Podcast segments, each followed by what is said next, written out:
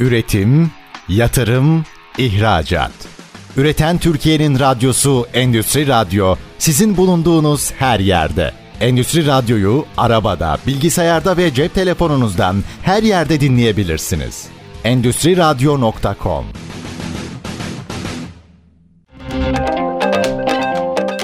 Salih Çaktı'nın hazırlayıp sunduğu Startup Dünyası programı başlıyor. Startup Dünyası'ndan herkese merhaba. Ee, bugün Akkaş Grup Yönetim Kurulu Başkanı Sayın Erkan Akkaş bizlerle.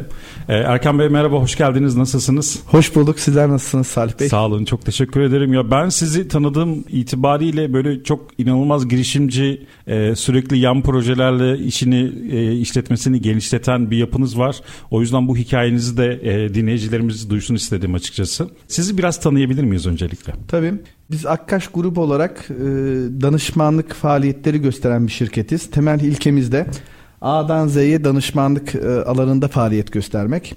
Firmamız COSGAP, TÜBİTAK dış ticaret destekleri, bu teşvikler üzerine çalışmalar yürütüyor.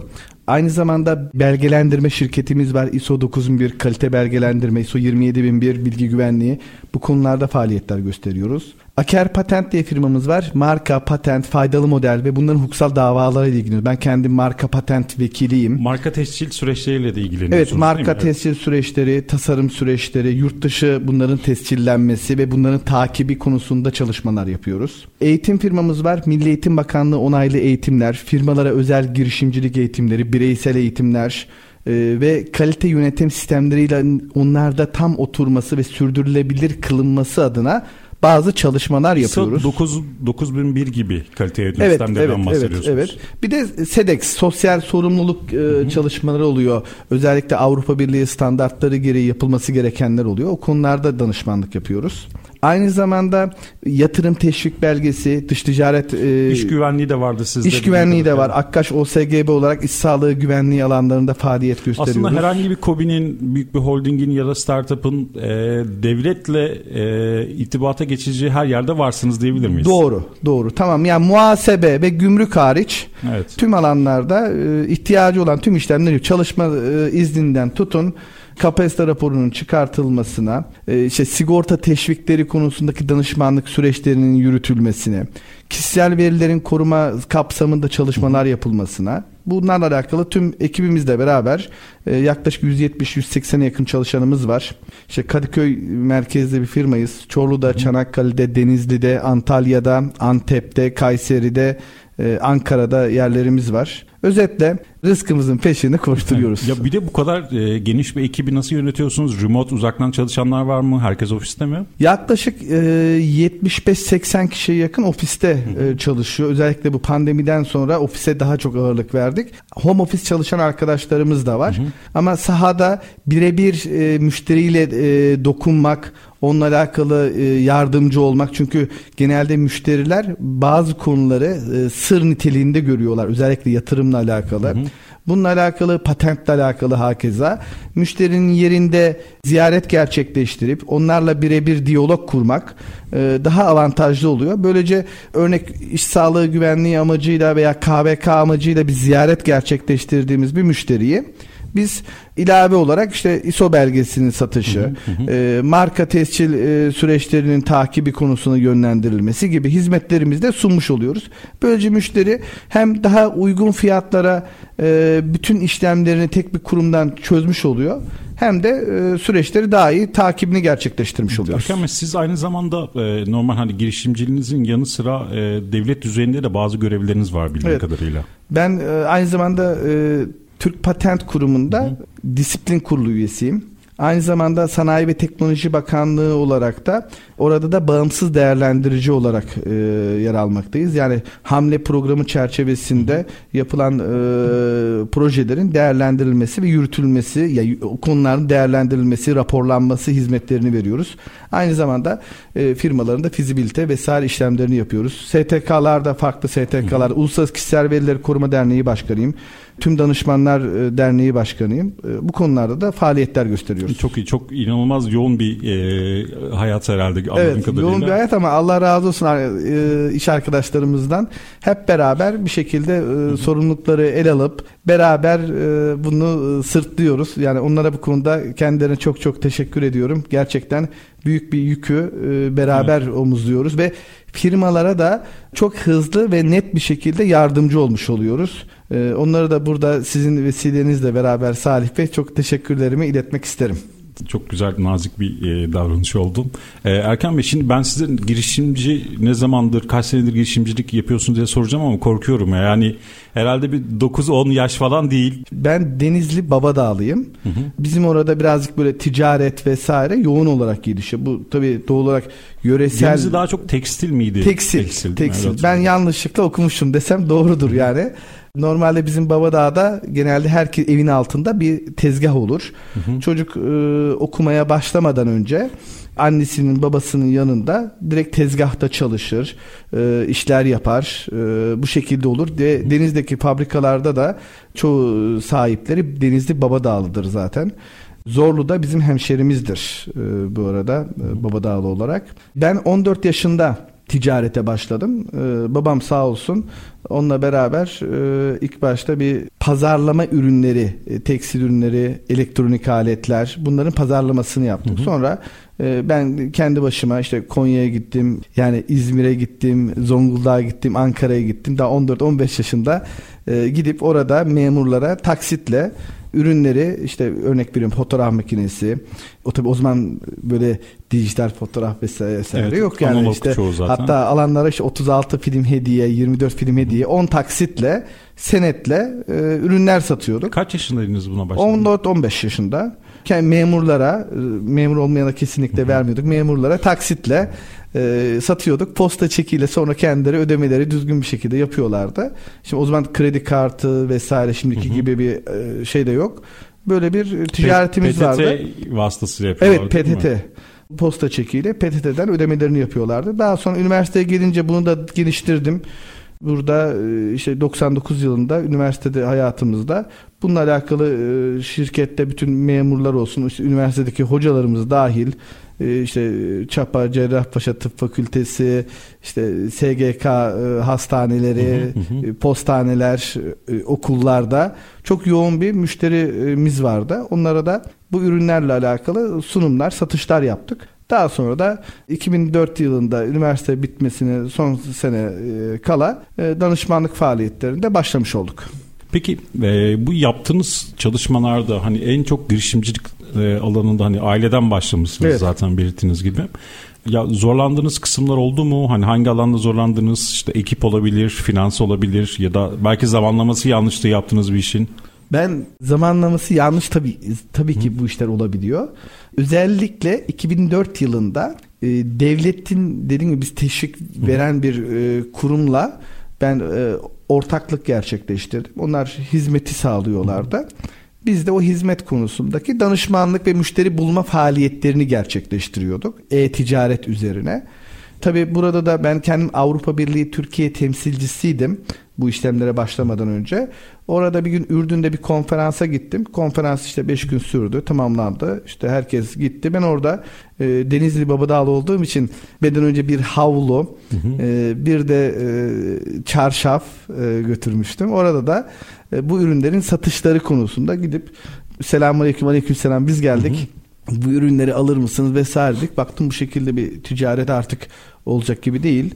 Ee, onun üzerine biz bir e-ticareti araştırmaya başladık. Bu bununla alakalı da devletin e-ticaret desteklerini e, ile alakalı bir çalışmalar yaptığını öğrendik ve bu konuda faaliyet göstermeye yani e-ticaret hizmetinden ziyade bu e-ticareti yönlendirme ve bunun danışmanlık faaliyetlerini yapma konusunda başladık.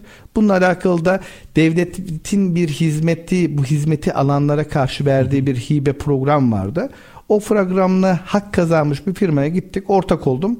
Ee, orada bir faaliyete başladık. Tabii doğal olarak e, biz bir tür bir sürü yatırım yaptık, bir sürü bir çalışma yaptık. Sonra devlet destekleri o konuda faaliyetleri durdurunca bizim yatırımımız doğal olarak boşa gitmiş oldu hı hı. ama bunların hepsi bize bir ders oldu. Daha e, hızlı e, gitmemize ve orada yaşadığımız e, musibetler bize diğer alanlarda ve diğer faaliyetlerde öğrenmemize e, sağladı. Mesela dediler ki ISO belgesi çalışması yapıyor musun? Biz o zaman e, ISO'yu öğrendik, araştırdık, işte kurslarına gittik, baş denetçi oldum örnek veriyorum. O konuda faaliyetlere ve danışmanlık vermeye başladık. Örnek veriyorum hakeza bu teşvikle alakalı bir çalışma yapabilir misiniz e, diye sordular. Yani müşterinin talepleri sizi Evet müşterinin bütün talepleri şekillen biz bu işi yaparken böyle bir entegre çalışma ve her kurumun bir, bir firma vardır sadece yatırım teşvik alanında çalışır. Bir firma vardır sadece Avrupa Birliği destekleri alanında çalışır. Ee, bir firma vardır sadece marka tescil hizmeti yapar. Örnek veriyorum. Birisi sadece KVK hizmeti yapar. Biz bunların hepsini tek elden ayrı ayrı ekiplerimizle beraber hı hı. kendi bünyemizde bizzat kendi personellerimizle gerçekleştiriyoruz. Bu da en büyük avantajımız müşterilerimiz açısından da avantajımız. Bizler açısından da avantaj. Müşteriye artık ne ihtiyacı var, huyu nedir, suyu nedir, yeni bir teşvik başladığında hemen o paketten kendisini bilgilendirip en hızlı şekilde nasıl aksiyon alırız, ne yaparız konusunda bilgilendirmiş oluyoruz. Ee, ben e, sizin şirket grubunda Aker Patent ilk başta sanırım evet. e, çıkan şeylerden biri. Marka tesciliyle alakalı birkaç şey sormak istiyorum. Türkiye'de en fazla hangi sektör marka tescili yaptırıyor? Şu anda sektör olarak direkt bilmiyorum ama Sizin dönem gördünüz. dönem değişebiliyor. Ağırlıklı olarak tekstil ve gıdayı sektörünü marka tescil konusunda yoğunlaştıkları söylenebilir. Son dönemde makine sektörü de artmak da artıyor ama özellikle tekstil ve gıdanın e, diğer e, sektörlere göre daha ön planda olduğunu söyleyebiliriz. Peki Türkiye'de market işçiliği yapan yurt dışında da yapma yani yapmak istiyor mu? Bu noktada talepler geliyor mu size? İhracatçı firmaların çoğu hı hı. E, bir ihracatı başladıktan sonra ilk başta değil ama başladıktan sonra kendisini o ülkede de güvence altına almak ileride başım ağrımasın diyerek hı hı. mutlaka bu tescili gerçekleştiriyor. Biz bu tescilleri de WIPO kanalıyla hem maliyeti daha uygun olacak şekilde e, bütçelendirip e, yapıyoruz. Aynı zamanda hem marka tescili yurt dışında tescilliyoruz ve bunun da yarısının ücretini de devlet Ticaret Bakanlığı destekleri şeklinde de alıyoruz. Bu da müşteriler açısından hem girişimci e, olanlar açısından hı hı. ciddi bir finansman desteği sağlıyor. Bir de o ülkede markamız tescillendikten sonra o ülkede yapılacak tanıtım harcamalarının da yarısını işte Instagram reklamı olabilir, billboard reklamı olabilir vesaire yarısını Ticaret Bakanlığı destek olarak destekliyor. Bu Peki, da firmalar için de çok avantajlı İhracatçı firmalar için değil mi sadece bu? Evet, ihracatçı firmalar için. Tabi burada eskiden değildi. Şimdi hizmet ihracatı da e, bu kapsama dahil edildi. Hizmet hı hı. ihracatı yapan işte ne bileyim filmler dizi yapan müşterilerimiz, işte kitaplar vesaire bunlar da bu kategoriye hı hı. dahil ediliyor. Anladım. Ya bu yeni bir gelişme sanırım. Evet. O süper. Harika. Yani herhangi bir firma yurt dışına açılmak istediği zaman marka tescilinden tutun reklam giderlerine kadar yani reklamlar kastın sadece fuar değil sosyal medya reklamlarına evet, sosyal kadar medya reklamları, burada devlet katalog, destek oluyor. broşür. İşte zaten biz firmaya hizmet verirken bu e, COSGAP değil değil mi Ticaret Bakanlığı'nın? Yok değil değil. Ticaret Bakanlığı'nın Bakanlığı'nın direkt. E, COSGAP'in verdiği destekler ayrı. Onunla Hı-hı. alakalı uluslararası pazarın geliştirilmesi konusunda farklı destekler Hı-hı. var. Onu proje bazlı olarak yapıp müşterilerimize faydalandırıyoruz. Ama bizim asıl bahsettiğimiz konu mesela buradan siz seyahat yapıyorsunuz. Almanya'ya gittiniz. 3 gün kaldınız. Oradan Hollanda'ya geçtiniz. 3 gün kaldınız. Bunların ücretlerinin yarısını Ticaret Bakanlığı tarafından karşılanıyor. Yani burada neler karşılanıyor? Konaklama gideri, ulaşım gideri, orada araç kiraladıysak araç kiralama giderleri bunlar karşılanıyor ve orada yaptığımız reklam çalışması, tanıtım çalışması varsa onlar da karşılanıyor. Evet. Ha siz orada depo açarsınız, showroom, ofis açarsınız. Onlar da bu kapsama dahil edilip destekten yararlanabiliyorsunuz. Evet. Genellikle marka ile patent bazen karıştırılıyor birbirleri. İşte evet. ben patent yaptım, marka tescili yaptım şeklinde. Ee, şimdi programın ikinci yarısında onunla ilgili de birkaç şey sormak istiyorum. Ee, Startup Dünyası'nın birinci bölümü burada sona erdi. İkinci bölümde Akkaş Grup Yönetim Kurulu Başkanı Erkan Akkaş'la sohbet etmeye devam edeceğiz. Görüşmek üzere. Üretim, yatırım, ihracat. Üreten Türkiye'nin radyosu Endüstri Radyo sizin bulunduğunuz her yerde. Endüstri Radyo'yu arabada, bilgisayarda ve cep telefonunuzdan her yerde dinleyebilirsiniz. Endüstriradyo.com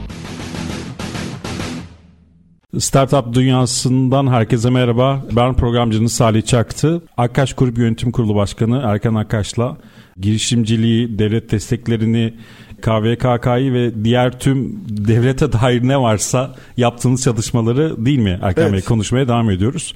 Ee, birinci bölümün sonunda marka ve patentin karıştırıldığından bahsetmiştim. Yani bilim de çevremde ya işte ben markama patent aldım diyor ama yani marka tescil biliyorum ben onu insanlar biraz karıştırıyor.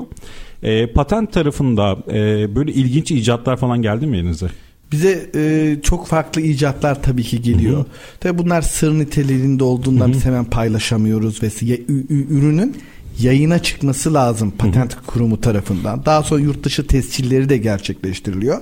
Ama ben size ilk sorduğunuz soruya şöyle bir örnekle açıklamayı bunu eğitimlerde de hı hı. bu şekilde veriyorum çünkü. Ben ilk defa e, bilgisayarı icat ettim. Bu patent oluyor. Ben bunun bir geliştirme yaptım. Taşıması kolay olsun diye bir sap yaptım. Faydalı model oluyor. Bunun içerisinde devrelerin dizilişi var. Topografya tescili oluyor. Hepsinin dizaynı farklı bilgisayarların. Bu da tasarım tescili olmuş oluyor. Hı hı. Bir de markası var. İşte e, X marka, Y marka. İsmi var. O ismi de marka tescili oluyor. Bunlar sinayi haklar. Bir de yazılım gibi içerisinde yer alan diğer konular da olabiliyor. Bunlar da fikri hak olarak telif hakkı şeklinde copyright dediğimiz telif hakkı şeklinde korunabiliyor. Yani genelde halkta e, ben ismimi patentledim e, şeklinde sizin evet. dediğiniz gibi çok sık oluyor. Veya şu da çok karşılaşıyoruz. Ticaret odasından ismini tescilini almış oluyor.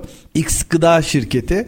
Bu X gıda şirketinin tescili var diyor mesela. Yani hı hı. marka tescil başka bir şey ticaret ünvanının olması başka bir şey. Evet. Yani bunlar da çok karıştırılan e, konular olmuş oluyor marka şeyinde. Marka tescilde e, patentle arasındaki en büyük farklardan biri marka tescil her 10 yılda bir yenilemekle beraber birlikte e, sınırsız olarak yenileyebiliyorsunuz. Hı hı. Bu önemli bir kriter. Fakat patent ise işte 20 yıllık her yıllık ara dönem ücretleri var, yıllık ücretleri var. Yıllık ücretini ödediğiniz müddetçe 20 yıl maksimum kullanabiliyorsun. 20 yılın sonunda halka mal olmuş oluyor. Faydalı model ise 10 yıl aynı şekilde. Tasarım tescillerde ise 5 yıllık süre var. 5 defa yenileme hakkınız var. Toplamda 25 yıl bir tasarımı kullanabilirsiniz. Ee, süresi bitenlerle alakalı bir şey var mı? Bir portal var mı? Bakalım inceleyelim. Bir portal e, benim bilgim dahilinde yok. Öyle söyleyebilirim. Evet. Çünkü e, fikri sin ayaklarda da bazı müziklerin, filmlerin, işte e, kitapların da herhalde belli bir süre sonra şey düşüyor.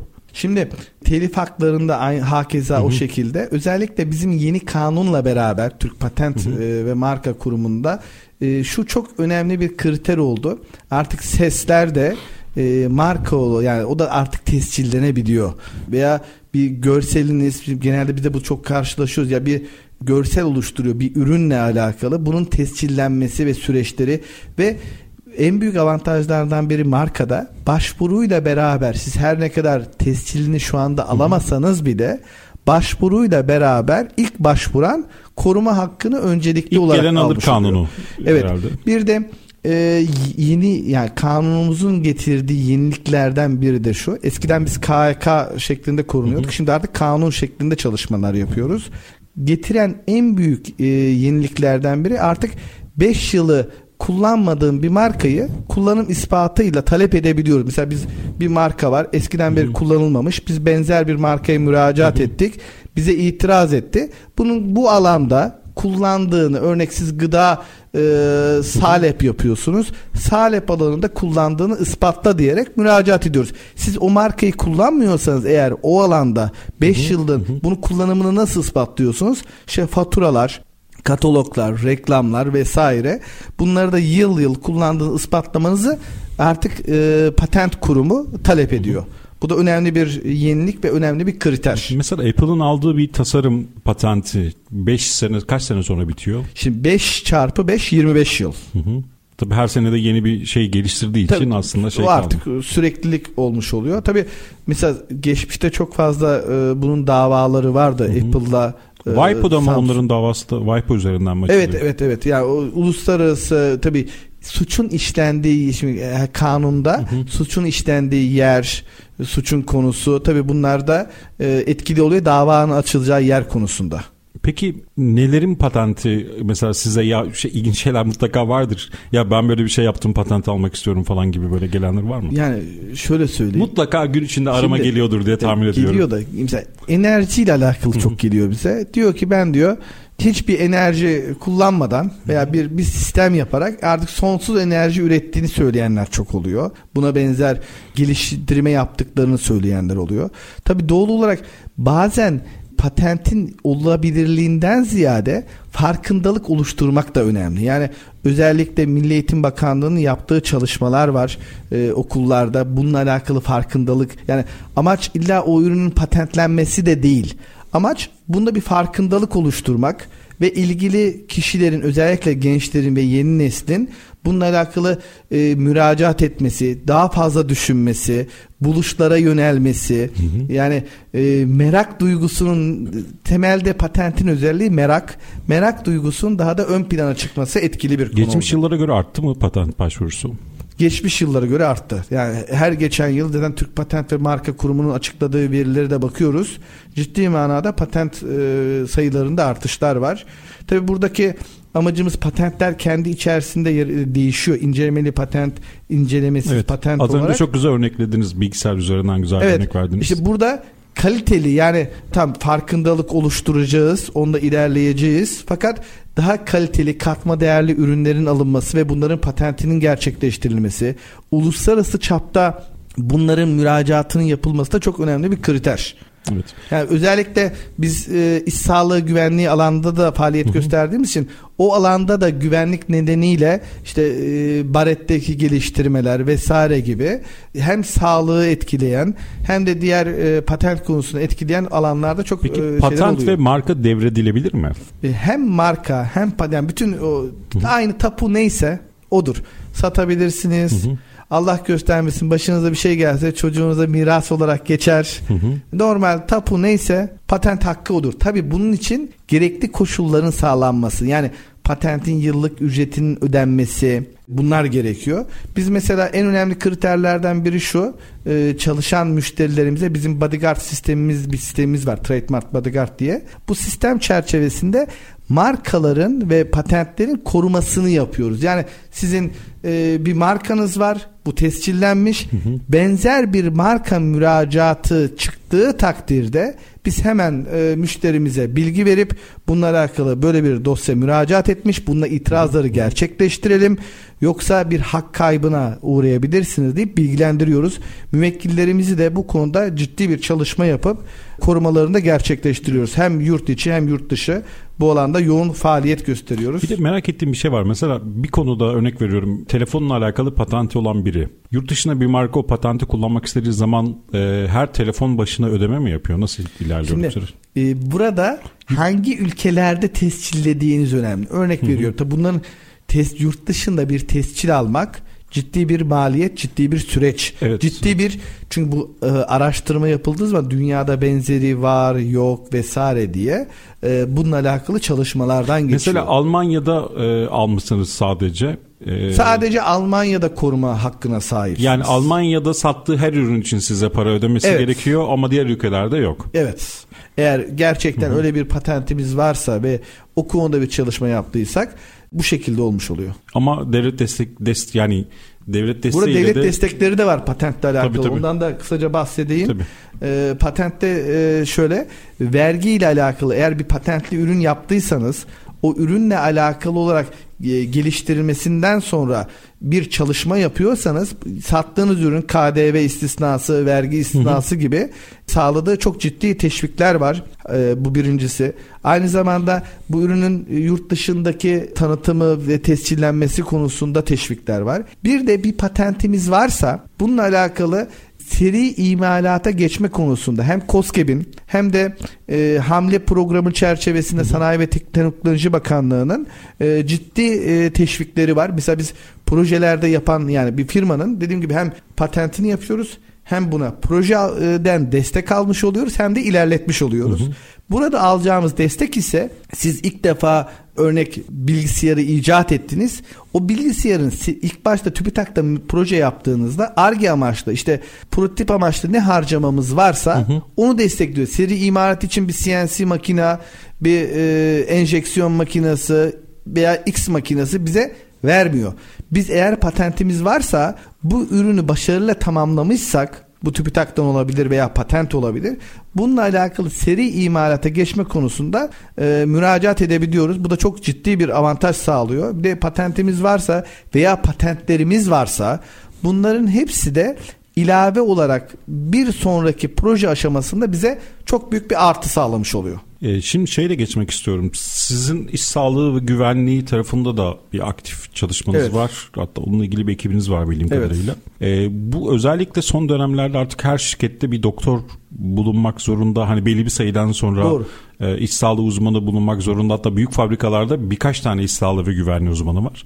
Peki bu e, bir yasayla birlikte netleşti değil mi? Öyle hatırlıyorum. Evet. Şimdi biz biz ortak sağlık güvenlik birimiz İstanbul ve çevre illerde yani İzmit ve Tekirdağ'da hizmetler veriyoruz. E, orada hem iş yeri hekimi hem de iş güvenliği uzmanı. Şimdi devlet bu kategoriyi üçe bölmüş. Az tehlikeli, tehlikeli ve çok tehlikeli diye. Az tehlikeli de işte 5 dakika örnek veriyorum doktor durması gerekiyor. Hı hı. Ee, tehlikeli de 10 dakika, çok tehlikeli de 15 dakika. Bu uzmanlarda Gün ise 10 20 40 diye devam ediyor. Yani durması gerekiyor derken yani kişi sayısı mesela sizde örnek veriyorum sizin firmanızda 40 kişi çalışıyor. Hı hı. Siz çok tehlikeli bir yersiz inşaat firmasısınız hı hı. örneğin.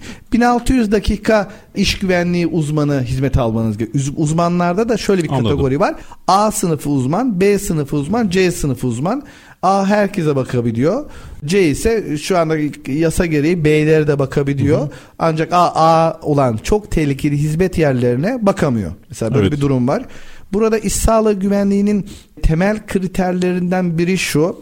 E, devlet diyor ki siz bir hizmet alıyorsanız burada az tehlikeli de alabilir, çok tehlikeli de olabilir. Hı hı. Fark etmiyor. Bununla alakalı hizmeti almak zorundasınız. 2023 Aralık itib- sonu itibariyle de artık bir kişi de olsa eğer kanunda çünkü uzadı uzadı uzadı bir değişiklik tekrardan olmazsa her kurumun e, bir kişi de olsa bu hizmeti alması zorunlu hale gelmiş olacak ama bizim şu anda bu konularda hizmet alan çok fazla müşterimiz var. Az tehlikeli olmasına rağmen bu hizmeti gerçekten önemsiyorlar. Yani bir de bununla ilgili İş bir... güvenliğinin bir bedeli olmaz diyorlar. Yani bu hizmeti bir bedel karşılığından ziyade bir hizmet almak. Yani eğitimi de veriliyor değil mi aynı zamanda? Tabii. Daha doğru işte şuna dikkat edeceksin vesaire gibi eğitim evet. de var. Yani yıllık olarak ve veya farklı Hı-hı. dönemlerde işte 3 yıl 5 yıllık olarak periyotta eğitimlerin verilmesi gerekiyor. Bu eğitimleri alan personellerimiz e, daha e, işe daha sağlıklı olmuş oluyor. Daha işe ve adaptasyon sağlamış oluyor ve bununla alakalı da gerçekten ilk zaman bu yoktu. Fakat şu anda artık işverenlerimiz de sağ olsunlar bunlarla alakalı gerekli hassasiyet gösteriyorlar. Gerekli tedbirleri alıyorlar. Kişisel koruyucular ayakkabıdır, barettir, eldivendir, gözlüktür. Bununla alakalı da kullanıyorlar. Bu da gerçekten çok önemli bir kriter. Evet, özellikle iş sağlığıyla alakalı sosyal medyada çok fazla karikatür her zaman için şey yapıyor, dönüyor hatırlıyorum onları. Peki evet. nasıl bir etkisi oldu sizce? Ben şöyle söyleyeyim. İş dikkat ediliyor mu hala? Dikkat ediliyor. Yani şu anda iş sağlığıyla alakalı ciddi bir e, çalışma ve ciddi ya bana bir, bir şey olmaz var. algısı her zaman vardı biliyorum çünkü. Mesela şöyle örnek vereyim ben yüksek katlardaki apartmanlarda veya inşaatlarda e, iş kazası oranı daha düşük. Hı hı. Neden? Çünkü adam 30. katta bir kemer değil iki kemer takıyor ne olur ne olmaz diye. Ama 3 katlı apartmanda zaten bana bir şey olmaz dedikleri için özgüven kaynaklı problemler ve kazalar tamamen öz göz, özgüvenden kaynaklanıyor. Yani bana bir şey olmaz dediğin anda o zaman korkacaksın. Yani e, cehalet veya e, ces, ces, cesurluk ne yazık ki en kötü e, kural oluyor bu konuda. Evet Erkan Bey 3. bölümde tekrar devam edeceğiz. Startup Dünyası'nın ikinci bölümü burada sona erdi. Erkan Bey ile keyifli muhabbetimize 3. bölümde devam edeceğiz. Görüşmek üzere. Üretim, yatırım, ihracat. Üreten Türkiye'nin radyosu Endüstri Radyo sizin bulunduğunuz her yerde. Endüstri Radyo'yu arabada, bilgisayarda ve cep telefonunuzdan her yerde dinleyebilirsiniz. Endüstriradyo.com Startup Dünyası'ndan herkese merhaba. Ee, programın 3. ve son bölümü başladı. Akkaş Grup Yönetim Kurulu Başkanı Erkan Akkaş'la keyifli sohbetimize devam ediyoruz. Erkan Bey o e, üçüncü kat muhabbetiniz, e, örneğiniz çok e, güzeldi. Gerçekten şey var hani bir de o yükseklikleri nasıl çıkıyorlar? Benim yükseklik korkum var. Bir gün bir fotoğraf çekmek için yüksek bir yere çıkmıştım. Dizlerim titredi. Bembeyaz oldum aşağı indim. e, gerçekten şey yüksekte çalışan emekçi arkadaşlar e, büyük emekler veriyorlar. Gerçekten büyük cesaret işi. Peki bana bir şey olmaz dedi ve düştü ama iş yerinde iş sağlığı güvenliği uzmanı var. Evet. Burada kime ceza veriliyor? Zaten şimdi buradaki önemli olan kusurlar. Şimdi birincisi bir firma bu konuyla alakalı hiçbir firmayla çalışmıyorsa bir de şu da çok önemli bir kriter. Sadece çalışıyor olması da önemli değil. Yani bir yerle hizmet alıyor veya Hı-hı. aldığını düşünüyor olması da İSG Katip diye bir sistemi var Çalışma Sosyal Güvenlik Bakanlığı'nın. Oradan tarafların karşılıklı onaylaması gerekiyor ki hizmet başlamış olsun. Yani hmm. iş güvenliği uzmanı da, iş yeri hekimi de, müşteri de karşılıklı e-devlet üzerinden onayladıktan sonra aslında hizmet tam olarak başlamış hı oluyor. Hizmet başladıktan sonra iş güvenliği uzmanı devletin belirlediği saat ve dilimlerde oralarda hizmetler sunuyor ve hizmetler gerçekleştiriyor. Tabi bu hizmetler sunması veya yapması bu iş kazalarını tamamen önleyecek vesaire demek değil. Çünkü yapılan her dakika orada iş güvenliği uzmanı bulunamıyor.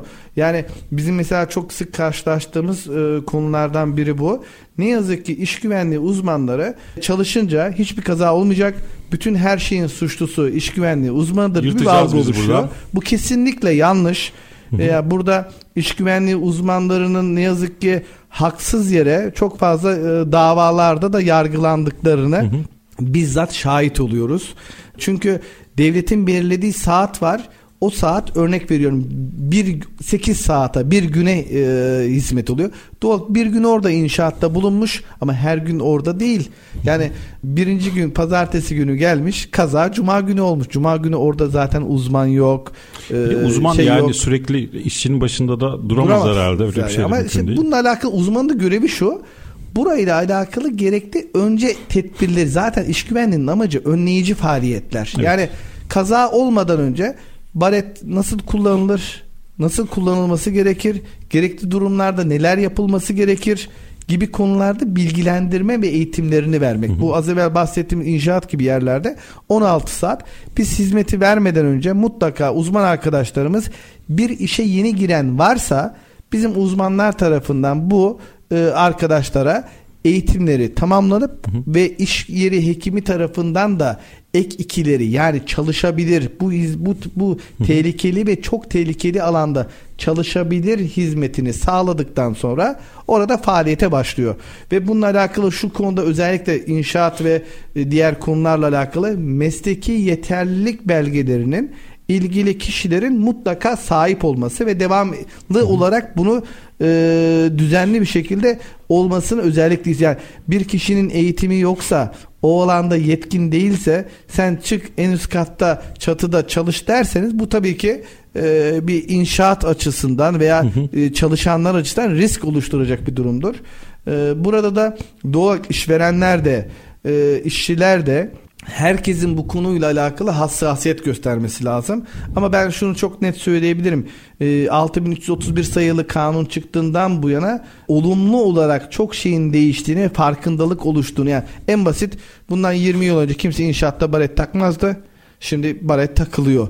Ha daha yolun çok başındayız. Bunu da e, söyleyelim ama gerçekten bir farkındalık kanunla beraber e, oturmaya ve ilerlemeye başladı. Tabi bununla alakalı eksikler, hizmetle alakalı bakanlığın yeni düzenlemeler yapması gerektiği bunlar artık ortaya çıkıyor. Bence öncelikli olarak yapılması gerekenlerden biri bu faaliyetlerden bizim aylık ziyaretlerimizden önce Orada faaliyet mesela bir e, makine firmasında o makine firmasına biz her ay gitmek yerine veya düzenli ziyaret başlamadan önce oranın yollarının çizilmesi, vinçlerinin e, ol, olması, periyodik kontrollerin yapılması en başta faaliyete başlamadan önce yapılması bununla alakalı bir sistemin olması daha doğru olacağını düşünüyorum. Evet. Yetkililerimiz de bununla alakalı çalışmalar yaptıklarını da biliyoruz. İnşallah en kısa sürede e, iş kazaları tamamen e, azalır ve tüm işçilerimiz ve emekçilerimiz bu konuda evlerine sağlıklı bir şekilde dönerler. Evet. E, bir de kişisel verileri koruma kanunu çıktı. Evet. Birçok firma bu noktada hizmet veriyor. E, ben işin web'e bakan tarafını biliyorum, internete bakan tarafını. E, orada da hani klasik her şey var. Her site bir şey koyuyor e, bir metin koyuyor. İşte evet. çerezleri kabul ediyor musunuz, etmiyor musunuz vesaire. Genel olarak KVK nedir ve firmalar burada ne yapmalı? Şimdi KVK ile alakalı ben kendim aynı zamanda Uluslararası Kişisel Veriler Hı-hı. Koruma Derneği Başkanıyım. Firmalara çok ciddi manada danışmanlık veriyoruz. Bunun üç tane ayağı var. Yani üç saç ayağı var. Ee, bunun yaklaşık e, işte bir ayağı hukuk, bir ayağı bilişim, bir ayda insan kaynaklarına yönelik çalışmaların yapılması. Hı hı. Burada firmaların bununla alakalı aynı iş sağlığı güvenliğinde olduğu gibi e, verileri yani artık kişisel verilerin önemi çok ortaya çıktı. Yani sizin ne yaptığınız, ne ettiğiniz e, bunlar çok önemli. Yani kişisel verilerle alakalı en önemli kıssaslardan biri özel nitelikli kişisel verimi yani bir sağlık verisi, bir sabıka kaydı gibi özel nitelikli kişisel verimi yoksa TC kimlik numarası gibi o kişiyi tanımlayan bir ifade mi? Bunlar önemli. Ya mesela benim TC kimlik numaram, adresim ve bir sene boyunca yediğim sipariş verdiğim tüm yemekler özel nitelikli mi oluyor? Yok onlar kişisel veri oluyor Hı. da yani işte bu çerezlerle zaten siz bir şekilde kendiniz Hı. diyorsunuz ki beni izleyin beni kabul edin diye evet. gerekli örnekleri veriyorsunuz. Yani ama mesela şu çok karşılaşıyoruz biz firmalarda öncelikli olarak. Sabıka kaydı alıyor mesela. Bir kişinin işe girişinde sabıka kaydı alabilmeniz için o işin niteliğine uygun olması lazım. Yani ilgili kişi cezai mahkumiyetini çekmiş. Hı hı. Cezasını yapmış, bitirmiş. Yani sizin doğal olarak normal bir beyaz yakalı, mavi yakalı olarak bir işe alıyorsunuz personele doğal olarak ayrımcılık yapılmaması için aslında bu gerekli. Yani aslında kişisel veri mahremiyet. O kişinin mahrem olan bilgisi hiçbir koşulda, hiçbir şartta o kişinin rızası olmadan paylaşılamaz. Aslında olayın özü bu. Yani siz Alevisiniz, Sunnisiniz veya siz X partiyi tutuyorsunuz. Ya yani bu gibi bunlar da kişisel veri. Bunların alenileştirilmesi, seni diğer insanlardan ötekileştirilecek durumun ortaya çıkmasını ilgili kanunumuz engelliyor. Ve e, sadece bunlar da değil, biyometrik veriler de çok önemli. İşte parmak izi, yüz, göz tanıma. Mesela biz şunu çok fazla karşılaşmış oluyoruz müşterilerde, fabrikalarda. Sayaç amaçlı şimdi kart okutmak yerine e, ne yapıyor e, ilgili firma? Parmak izi, işte göz tanıma vesaire yapıyor. Bunların da olmaması lazım. Neden? Çünkü ilgili veri kişisel veri o kişinin özel nitelikte hatta kişisel veri o ilginin bir sen bu işe girmesine veya o işte çalışmasıyla kart vereceksin. Müşteri de diyor ki ya kardeşim diyor ben diyor birbirinin yerine kart okutuyorlar diyor. Yani geçen bir müşterimizdeydik. Bununla alakalı şikayeti vardı. Diyor ki bir aydır diyor e, adam işe gelmemiş. Yaklaşık bir kişi çalışan bir müşterimiz. Kimse fark etmemiş. Yani bir veya erken çıkıyor. Ya Ahmet diyor ben çocuk hasta diyor okula hastaneye götüreceğim diyor. Size kartı veriyor. Siz onun yerine kart okutuyorsunuz. Yani iyi niyetli olarak zaten bunları yapıyor. Yani evet. kötü niyetli de değil ama şimdi burada işveren de tedbir olarak bunu tam e, kontrol edebilmek adına sonuçta diyor parmağını okutamaz, gözünü okutamaz diyor. Böyle bir tedbir almaya çalışıyor. Tabii biz temelde kanunu Avrupa Birliği'nden yani bu arada bizim yaptığımız bütün uyum danışmanlıkları GDPR kapsamında yani Avrupa Birliği e, mevzuatına uygun olarak bu danışmanlıkları veriyoruz. Her ay uzman arkadaşlarımız, KVK uzman arkadaşlarımız, avukatlarımız, bilişim uzmanı arkadaşlarımız firmalara düzenli ziyaretler yapıyor. Orada sistemi kuruyor. Bunların her 6 ayda bir denetimlerini gerçekleştiriyoruz. Müşteri şu çok önemli olmuş oluyor. Müşteride ve algıda kişisel verinin tamamen o kişiye ait olduğunun artık onun mahrem olduğunun ortaya çıkması gerekiyor. Avrupa Birliği'nden bu veriyi aldık. Avrupa'da kimse kimsenin yerine kart okutmuyor. Ancak Türkiye'de dediğim iyi niyetli olarak böyle bir durum var. Yani Kanunda da bazı konularda esneklik ve bir de burada veri sorumlusu var. En çok sorulan sorulardan biri bu olduğu için bunu da değinmek istiyorum. Veri sorumlusu firmanın kendisi.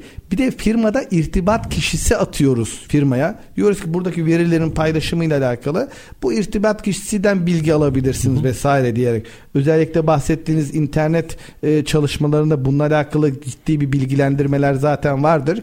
Bir de özellikle kanun kapsamında herkes kanunda yani e, şu ben kanunda değilim ben kanun kapsamında değilim diye bir şey zaten söyleyemezsiniz. Bu çok önemli olduğu için e, bunu altını çiziyorum. Ama verbis denen e, verilerin e, sicili var. Bununla alakalı e, bu verbis sistemine kayıt edilmesi ise bazı e, örnek aktif büyük 25 milyon üstü olan firmalar, 50 çalışan üstü olan firmalar bu kapsama e, dahil ediliyor ve bu kapsamda verbislerini güncellemeleri özellikle e, eğer bir verileri alıyorsanız bir bazı firmalar şunları da söyleyeyim çok karşılaştığımız için son dönemde biz gerekli düzenlemeleri yapıyoruz. Verbis doldurmuş 1 milyon TL bunların cezaları çok ağır bu arada. E, ceza ödememek için doldurmuş ama tamamen yanlış ee, yani hangi veriyi neden almış, ne amaçla işliyor, bu işleme amacı dışında hangi sürelerde bunu saklıyor, bununla alakalı bilgi vermiyor. Mesela şimdi girişte gördüm, örnek siz içeri girerken buraya kamera kameralarınız var. Kamera aydınlatma metni e, koymuşsunuz. Yani diyorsunuz ben sizin verilerinizi alıyorum. Bu verileri yani size alıyorum ama buradaki amacım hem buradaki iş sağlığı güvenliği hem güvenlik tedbirleri bunları aydınlatma metninde verdiğiniz linkte bununla alakalı ben belki kamera var diye buradan içeri girmeyeceğim. Yani bu tamamen benim sizin yönlendirmeniz, beni bilgilendirmeniz gerekiyor. Mesela örnek yolda gidiyorsunuz trafikte bir araba Radar sizi iler, geri ileride diyor ki siz 300 metre 500 metre ileride hı hı. hemen üçgenli koyuyor. Evet. İleride diyor radarla diyor e, hız kontrolü ben sizi bu konu hakkında bilgilendiriyor, aydınlatıyor. Zaten bu aydınlatma metinlerin oluşturulması bazı durumlarda da açık rızanın alınması. Yani e, bunu e, hukukçu arkadaşlarımız çok Bu ciddi manada yardımcı oluyor. Çalışan yerlerde kamera varsa çalışanlar için bir açık rıza alınması gerekiyor mu? Değil aslında. Şimdi o e, açık rıza alınacak durumlar vesaire işleyişin işlemesi için gerekli durumlar başka ama az evvel dediniz ya ben mesela verilerimi paylaşmak istiyorum. Hı. Bununla alakalı olarak benim verimi kullanabilirsiniz diyerek bir müracaat yaptınız. Bununla alakalı açık rızanın olması gerekiyor doğal olarak ama bahsettiğiniz kamera ile alakalı durumda bir açık rıza zaten yok. Evet. Gerekmiyor. Erkan Bey şey e, vaktimiz azalıyor. E, son Tabii. olarak ben MESAM sistemini sormak istiyorum size. Şimdi o da iş sağlığı güvenliği ile alakalı. Şimdi devletimiz bu da yeni bir teşvik başladı. Diyor ki Milli Eğitim Bakanlığı tarafından sizin firmanızda çalışanlar var gerekli mesleklerini sahibi olmuşlar. Hı hı. Fakat kendilerinin bununla alakalı bir belgeleri yok. Mesela kişi tornacı, hı hı. yıllardır tornada çalışıyor, okula gidememiş. Hı hı. Hiçbir belgesi yok liseyi bitirmiş ama açık liseyi bitirmiş bir şekilde veya e, üniversitenin ilgili olmayan ama bölümünden mezun beyaz olmuş. Beyaz yaka ya da mavi yaka değil. Hani Fark şey, etmiyor. E... Ya bu tornacı da olabilir, bir satış personeli de olabilir, Hı-hı. bir kasiyer de olabilir. Yani bu e, kişinin çalıştığı alanda yetkin olmamasıyla alakalı. Hı-hı. Yani siz bir mühendislikten mezun olmuşsunuz ama e, gidiyorsunuz otelde aşçılık yapıyorsunuz. Ama aşçılık e, belgesine sahip değilsiniz. Devlet de diyor ki o firmada diyor usta öğretici varsa Usta öğreticilik için de sınava girilmesi gerekiyor. Bu e-sınav merkezlerinden genelde bu sınavlar gerçekleşiyor. İnternet üzerinden bir ilgili okullara giderek, meslek okullarına giderek kayıt olduktan sonra kendileri EBA üzerinden izlemeleri gerçekleştiriyorlar ve izlemeleri gerçekleştirdikten sonra böyle bir durum var. Özetle süremiz dar olduğu için şu konuda özellikle değinmek hı hı. istiyorum. Devletimiz bununla alakalı 6 ay boyunca firmada 6-27 hafta çalışırsa askeri ücretin yarısı oranında firmalara teşvik veriyor. Yani bir kişi için 27-28 bin lira para alıyor firma. Hı hı. İlgili kişi de 6,5 ayın sonunda bununla alakalı destekten yararlanmış oluyor ve ustalık belgesi oluyor. Yani buradan Almanya'ya işçi olarak gidecek elinde resmi torna belge, tornacılık belgesi oluyor. Bizzat ustalık belgesinin sahibi olmuş oluyor. Bunda danışmanlıkları yapıyoruz, firmaları yönlendiriyoruz e, ve çalışmaları yürütüyoruz. Özellikle şu anda bu e, çok fazla talep görüyor. Çünkü herkesin bu konuda bir ihtiyacı var.